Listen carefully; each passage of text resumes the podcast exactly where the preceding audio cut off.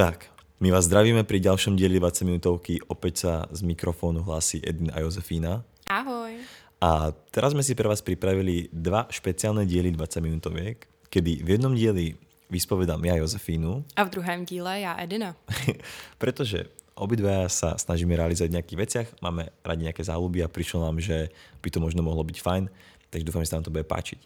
Zároveň jsme se vám vlastně chtěli trošku víc představit, protože nám občas přijde, že vlastně ani nevíte, kdo za těma mikrákama jako sedí, tak jsme si říkali, že by to bylo tak jako fajn naše 20 minutovky takhle proložit. Tak uvidíme. Mm. Ako prvá paní na holeně sa, sa hovorí na Slovensku je Jozefína, keďže je to dáma, takže má prednosť. Tak eh, Jozef, ja ťa dneska vyspovedám o tvojej veľkej vášni. Bola kedy aj určite uh, plnej náplní tvojho života a pravdepodobne si myslím, že aj do konca života to bude jedna z tvojich veľmi eh, naplňujúcich činností a to je lyžovanie. Takže eh, priblíž našim divákom a poslucháčom eh, nejakú celú svoju lyžařskú históriu a prečo tento šport pre teba znamená to, čo znamená. Tak Edy, já ti děkuji za úvod, děkuji za slovo. Já, no, Ono to všechno začalo tak, že já jsem se už narodila do lyžařské rodiny. U nás opravdu všichni uh, lyžovali, máma, táta, babička, děda.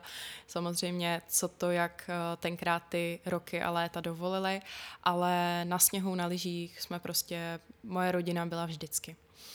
A Naši původně vůbec nechtěli, abychom závodili, abych závodila, uh, protože máma i táta si tím prošli a věděli, Eh, co jim vlastně ten vrcholový sport vzal. Samozřejmě i to, co jim dal, ale i to, co jim vzal.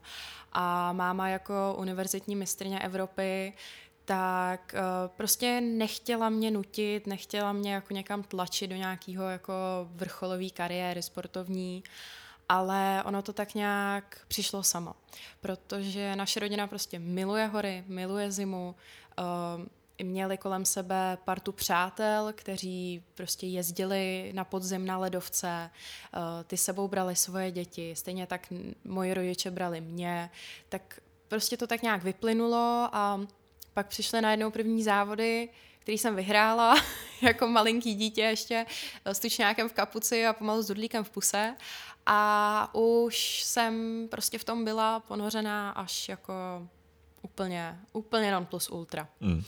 Ja sa ťa spýtam takto rovno, aby sme hneď vlastne uh, oboznámili našich poslucháčov, s kým majú tu čest. Povedz nejaké svoje najväčšie úspechy. Yeah. Tak eh, já jsem vlastně 11 let za sebou reprezentovala Českou republiku, byla jsem v reprezentaci České republiky eh, s tím, že ty poslední dva roky se jednalo o olympijské naděje, což bývá taková jakoby mm, část reprezentačního družstva, eh, se kterou se počítá při nominaci na olympijské hry. Pro mě to měly být olympijské hry v Pyeongchangu v roce 2018. Jsem dvojnásobná mistrně republiky, a asi tak. Hmm, super, wow. Čo to znamená v očiach športovca, lyžiara účast na olympiádě? Nevím, co to znamená pro ostatní, ale pro mě to byl totální vrchol a byl to cíl a totální třešnička na dortu všeho, co jsem proto dělala. A byla to především ale pro mě věc, která byla jakoby samozřejmá. Mm. Já jsem tomu lyžování dávala úplně všechno a tam jakoby nebylo, tam nebyl plán B. To mm. byla prostě nějaká jasná věc. A je to, ono celkově, olympijské hry jsou, troufám si říct, pro každého sportovce totální špička ledovce a je to to nejlepší, co prostě můžeš zažít. A ano, jedná se i o ten zážitek. E, nejde tam jenom o ten přímo, o ten závod nebo turnaj nebo jo, tam jde opravdu i o ten společenský zážitek, o to, jak tam prostě jste, o to zahájení olympijských her, o už jenom možná i tu cestu letadlem tam. Jo, to je něco tak neuvěřitelného, to je, to je tak krásný já jsem chtěla říct teda cirkus, ale ono by to vyznělo vlastně uh, paradoxně přesně špatně, ale naopak je to prostě něco nádherného a opravdu myslím si, že každý sportovec mi dá jako zapravdu, že olympijské hry jsou totální jako top, strop. Opakovaně si teda zmínila, že si vlastně mala uh, iba jednu víziu, jeden plán a prostě uh, a myslím, že všetci naši poslucháči, napriek tomu, že si to nezažili a možno si to predstavujú iba tak letmo. Myslím, že všetkým ľuďom je úplne známe, že pokiaľ chce byť človek vrcholový športovec, musí tomu dať absolútne maximum. Čo to znamenalo v tvojom prípade a v prípade lyžovania a dajme tomu, ako náročné bolo uh, sa prekonať ako keby ako osoba mm-hmm. do týchto vecí? Uh, pro mě to náročné nebylo, protože pro mě to bylo to jediné, co jsem znala. Uh, když nepoznáš něco jiného, tak ti to nemůže chybět. A pro mě uh, každý den vstávání v 5.30, abych byla v 6.30 na kopci, ano, ještě za tmy. a uh, to bylo něco naprosto normálního. Stejně tak jako mm, být každý druhý týden už jako malé dítě, prostě od 8-9 let sám na ledovci, každý druhý týden. Být stále prostě v Rakousku, pak odjet na měsíc prostě na šňůru závodu do Itálie. Uh, a z toho samozřejmě můžete vyvodit to, že jsem do školy toho moc nenachodila. Nenachodila, měla jsem individuál a děti jsou zlí, děti to nechápou a když se od dětí lišíte, tak vás už jakoby nikdy moc nepřijmou. Takže uh, to bylo to těžké, že já jsem neměla kamarády, neměla jsem žádnou jakoby oporu mezi spolužákama a mm, taky jsem tenkrát neuměla, ne, nežila jsem jako normální život. Já jsem, když už jsem byla uh, doma v Česku a šla jsem do školy, tak děti se šly po škole třeba hrát na hřiště. Ale já letěla domů a šla jsem na trénink. A nebo jsem ráno, i když už jsem jako byla v Česku, ale měla jsem kondiční tréninky, tak jsem třeba měla ráno, ale od prostě sedmi trénink, takže jsem přišla až jako na devátou do školy. Uh, takže pro mě to nebylo těžké v nějakém jakoby odříkání nebo překonávání se. Já to mám hrozně ráda a já ze sebe i dodnes potřebuji jakoby vydat uh, po té fyzické stránce toho, co nejvíc. Já jsem v tomhle tom docela magor, ale já to prostě potřebuju se úplně prostě vy, úplně totálně jak kdyby zničit fyzicky, že pak nemůžu třeba jako chodit dva dny a tak. Já to prostě potřebuju, já jsem na to byla zvyklá a moje tělo tak prostě funguje. Okay. No, ale bylo to těžké právě tady v tom, co jsem řekla. Bez těch kamarádů, bez nějakého toho jakoby chápání těch vrstevníků a, a tak. Mm-hmm. Takže ty, to by som sa asi opakoval, ale Znamená to teda to, že vlastně dajme tomu, keď ostatné děti se išli hrať a ty si mala utěkat na trénink, nebyl to pro teba problém? Ne, mně to přišlo prostě normální, mě to nevadilo, Nechy, ale pamatuju si, uh, chodila jsem do první třídy a měli jsme pak místo tělocviku, uh, měli jsme na podzim místo tělocviku, tak se jezdilo uh, bruslit mm. na zimní brusle, na led. A jezdilo se vždycky jednou za 14 dní. Jednou se šlo do tělocvičny a jednou za potom se šlo jako brusle. No a já si přesně pamatuju, jak uh, jsem seděla uh, v Rakousku na Štubaji, uh, v našem apartmánu, nebo v tom apartmánu, kde jsme zrovna byli ubytovaný, s mámou a dělala se mnou nějaký úkol do češtiny, se ještě tenkrát jsem se učila psát, že jo. A já jsem se na ní tak jako podívala a říkám, mami, a, a tušila jsem, že jako ta otázka by ze mě neměla jako vypadnout vůbec. Hmm. A říkala jsem, mami, myslíš, že bychom třeba, že bych mohla třeba příště jako zůstat doma? Já bych hrozně chtěla jít někde bruslit. Hmm. A, a máma byla jako překvapená, ale říkala, no jasně, tak to nějak vymyslíme. Hmm.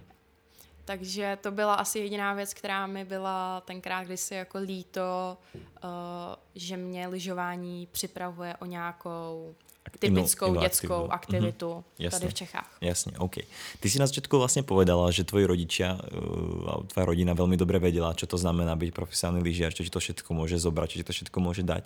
Uh, čo všetko ti to může dať a čo všetko ti to může zobrat ještě možno okrem těchto jiných věcí, že vlastně tím trávíš to veškerý čas. Hmm. Já si myslím, že vrcholový sport mě osobně uh, strašně vychoval, uh, že dospěla jsem troufám si říct opravdu strašně jako rychle, což ale nemusí být uh, jenom dobře. Je to v hodně případech jakoby špatně.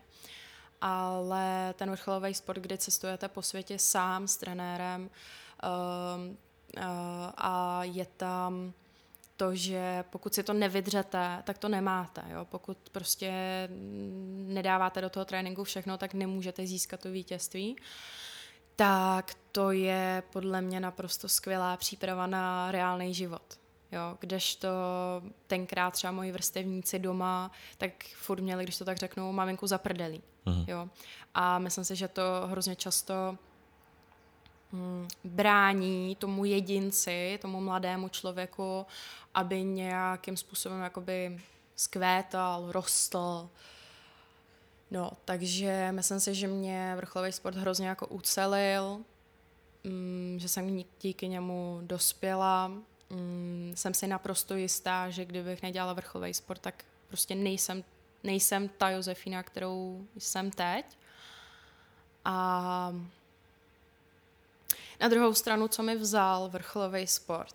Uh, je to, vrcholový sport je vlastně psychicky strašně náročný. Uh, fyzická stránka je jedna, jedna věc, ale ta psychická je taky těžká. Já jsem to teď relativně vlastně všechno vychvalovala, jak je to jako skvělý být co 14 dní týden na ledovci v Rakousku, pak prostě být, uh, pak odletět na měsíc třeba na Zéland, v létě trénovat. Uh, je to super, ale zároveň um, extrémně uholek, je to hrozně těžké, když je vám 14, 15, 16, začínají s vámi vlastně bloumat trošku hormony a uh, dokázat to vydržet a vydržet u toho sportu je hrozně těžký a taky se říká, že vlastně u holek uh, v těch 16 je to um, ten rozhodující element toho, jestli budete dobrý nebo ne. Aha. Protože mě to tenkrát říkal můj trenér tehdejší, že jenom musím prostě vydržet. Jenom musím vydržet, protože teď už jsme dobrý všechny stejně, ale jenom ta, která vydrží, tak bude nejskvělejší. Aha. A já jsem u toho teda bohužel nevydržela kvůli ne z vlastní iniciativy, ale kvůli zranění, kvůli autonehodě, kterou jsme měli s trenérem, která mi vlastně ukončila moji sportovní kariéru. Uh-huh. Uh, ještě předtím, než to zranění určitě taky se k němu dostaneme, protože je to práve vec, ktorú takisto rieši mňa veľmi veľa športovcov, že uh, stane sa, že človek uh, naozaj, v podstate aj ja som moju športovú kariéru ukončil kvôli zraneniu, ale to je, to je možno inokedy. Ako si sa napríklad ty vyrovnávala s, s prehrávaním? Alebo aká, aká, aká, aký, ty, aký si bol ty typ človeka? Ty si teda povedala niekoľkokrát, že si vlastne bola, alebo teda na začiatku si povedala, že si bola 11 krát majster Českej republiky. Uh, 11 krát zařazená do reprezentace České republiky, dvojnásobná okay. mistrná republiky. Okay, okay. OK, tak v tomto, prostě v tom období, keď sa ti darilo prostě a keď si bola majsterka Českej republiky a a tebars potom tam prišlo nejaké obdobie alebo nejaký závod, ktorý tebars si nevyhrala, alebo, alebo takto, ako si sa ty k tomu stavala, alebo ako, ako ty si bola, vedela si prehrávať, alebo ťa to štvalo? Uh, samozřejmě, že mě to štvalo, ale nikdy v životě jsem neházela vinu na nikoho jiného.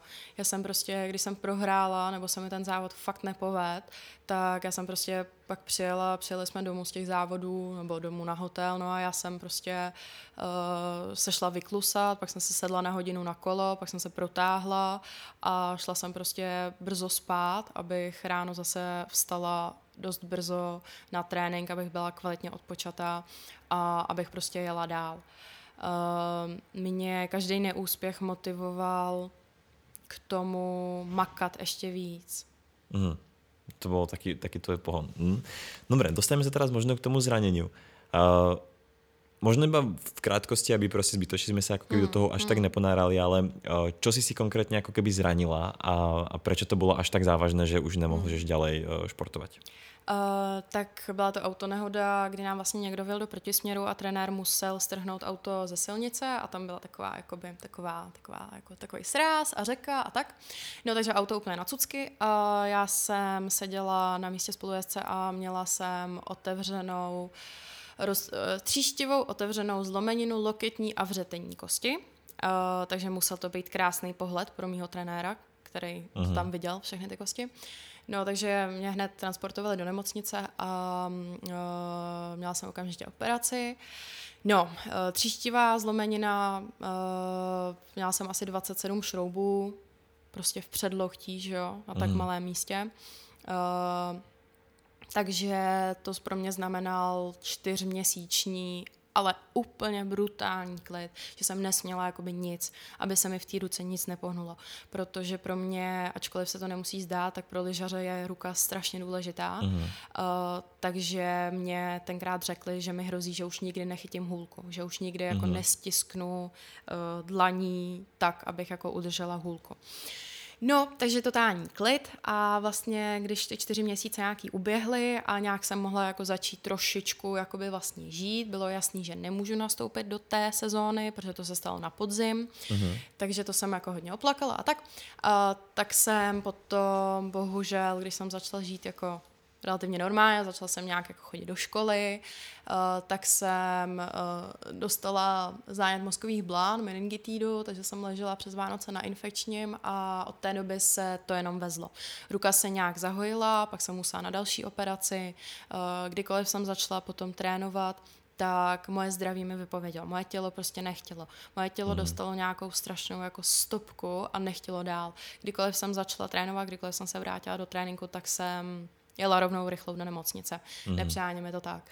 Uh, no a takhle to bylo vlastně co půl roku, asi prostě po dobu čtyř let. Mm-hmm. No a pak už jakoby potřebovala jsem si to strašně nějak přerovnat v hlavě a uh, momentálně to mám tak, že Uh, jo, sice jsem několikrát na jednoce intenzivní péče skoro přišla o život, hm. protože tělo prostě vypovědělo, ale řekla jsem si, přijímám to tak, že sice tělo mi chce něco naznačit, ale uh, že já určitě ještě nejsem jakoby s lyžováním hotová. Protože já s lyžováním nikdy v životě nebudu hotová. Pro mě je lyžování to nejkrásnější na světě a je to prostě můj život. Mhm. A neumím si život bez lyžování a hor představit. Takže mě, když se někdo zeptá, jak to mám, tak já řeknu, hele, uvidím, jak mi bude sloužit tělo, třeba, třeba se někdy zase postavím na start. Mm-hmm. Uh, Protože jestli mě mrzí nějaká jedna věc, tak mm, to je to, že já jsem se nemohla ani z, se závodním lyžováním jako rozloučit.